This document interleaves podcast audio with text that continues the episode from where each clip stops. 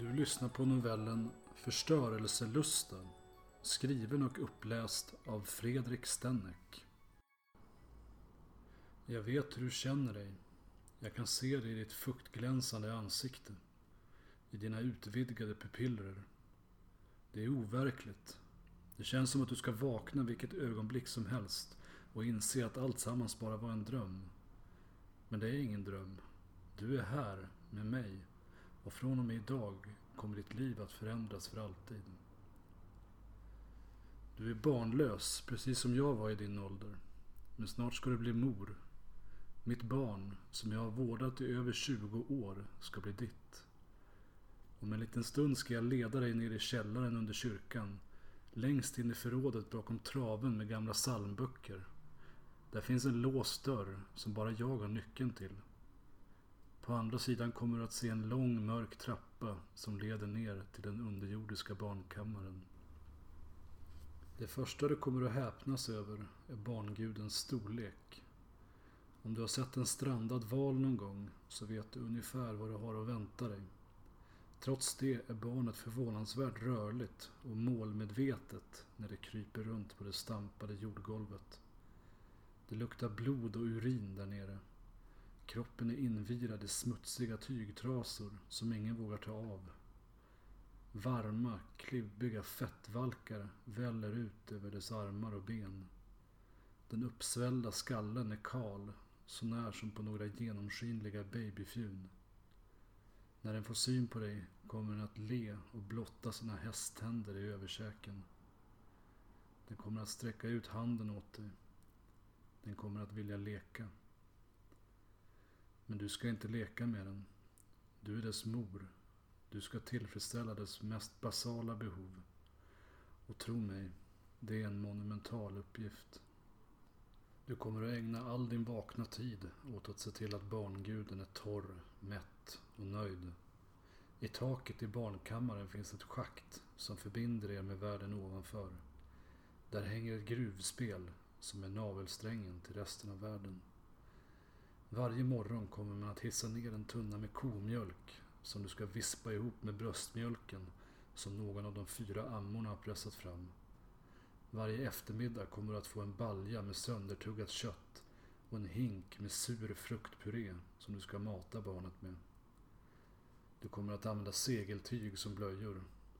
De måste kokas och torkas varje dag om du inte vill ägna timmar åt att skyffla bort de stinkade högarna som barnguden lämnar efter sig. Du kommer att tvingas till många motbjudande arbetsuppgifter. Saker som du aldrig föreställt dig att du skulle behöva göra. Men det allra värsta, det är när barngudens lekkamrater kommer på besök. Du kommer inte att kunna stoppa dem. Hon kallar på dem i deras drömmar och de dras till henne av en obeveklig kraft. Ibland är det barn från grannbyarna. Ibland kommer de från avlägsna länder. Hon kommer att behandla dem som om de vore leksaker.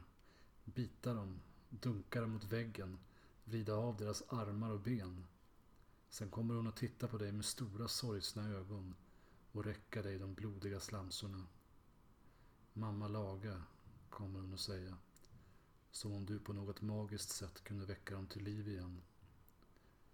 Det här är tillfällen då din hängivenhet kommer att sättas på hårda prov. Men jag hyser inga tvivel om att du kommer att klara det. Du kommer att uthärda, för du vet att alternativet är så oändligt mycket värre. Det är egentligen bara en sak som verkligen oroar mig.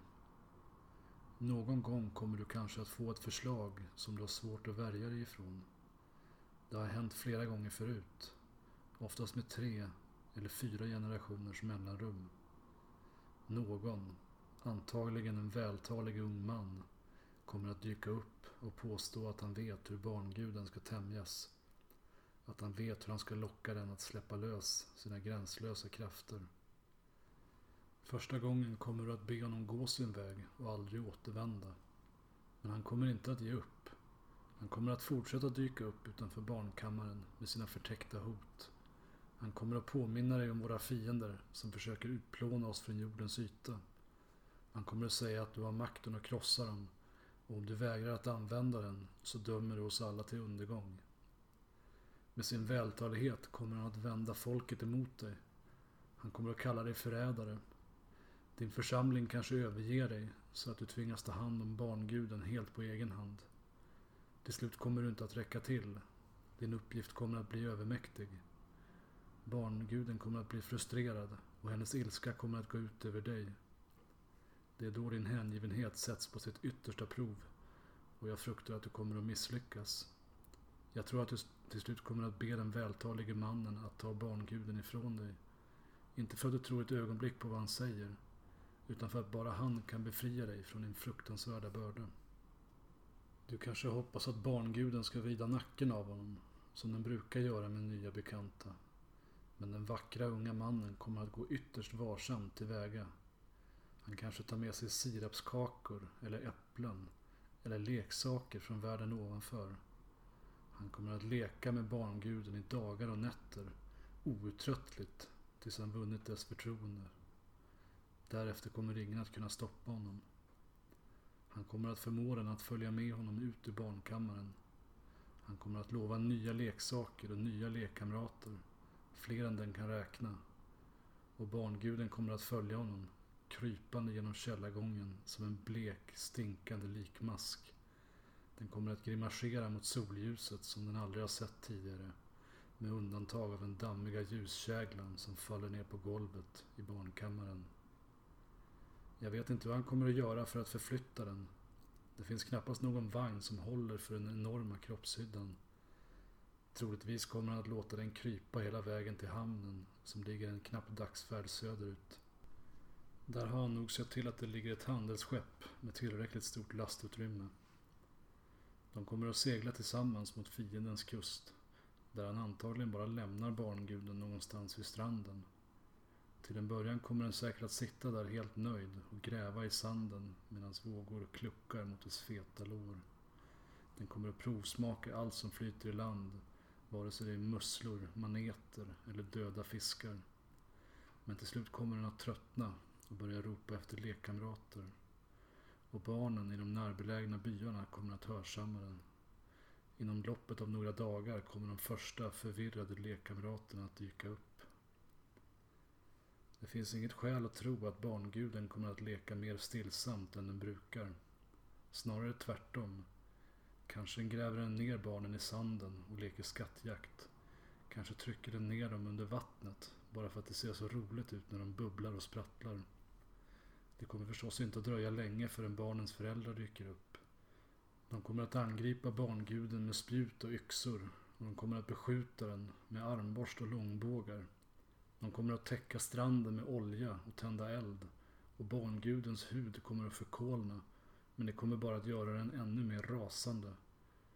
Den kommer att hämnas genom att skicka ut sina lekkamrater med facklor och de kommer att försöka tända eld på varje kyrka, varje hus, varje åker i hela landet. Förtvivlade vuxna kommer att försöka stoppa dem. Barn kommer att kedjas fast, fängslas, till och med dödas. Föräldrar kommer att tvingas föra krig mot sina egna barn tills den vältalige mannen dyker upp och erbjuder dem en lösning på problemet. Han kommer att tvinga dem till en förödmjukande kapitulation. De kommer att få avstå guld och landområden. Deras arméer kommer att upplösas. Fienden kommer att foga sig i allt som han säger, bara han ger dem deras barn tillbaka. När han fått som han vill så kommer han att segla iväg med barnguden till en avlägsen plats. Kanske till en tidvattengrotta under någon obebodd ö. Där kommer han att kedja fast den i lastutrymmet och låta fartyget gå på grund. Sen lämnar han barnguden där. Han överger den eftersom han inte har någon nytta av den längre. Det räcker med att den finns där som ett hot. Ett hot som kan tvinga hela världen till underkastelse. Men barnguden kommer inte att låta världen glömma dess existens. Skriken kommer att färdas med vindarna över världshaven och barn på alla kontinenter kommer att höra dess klagan.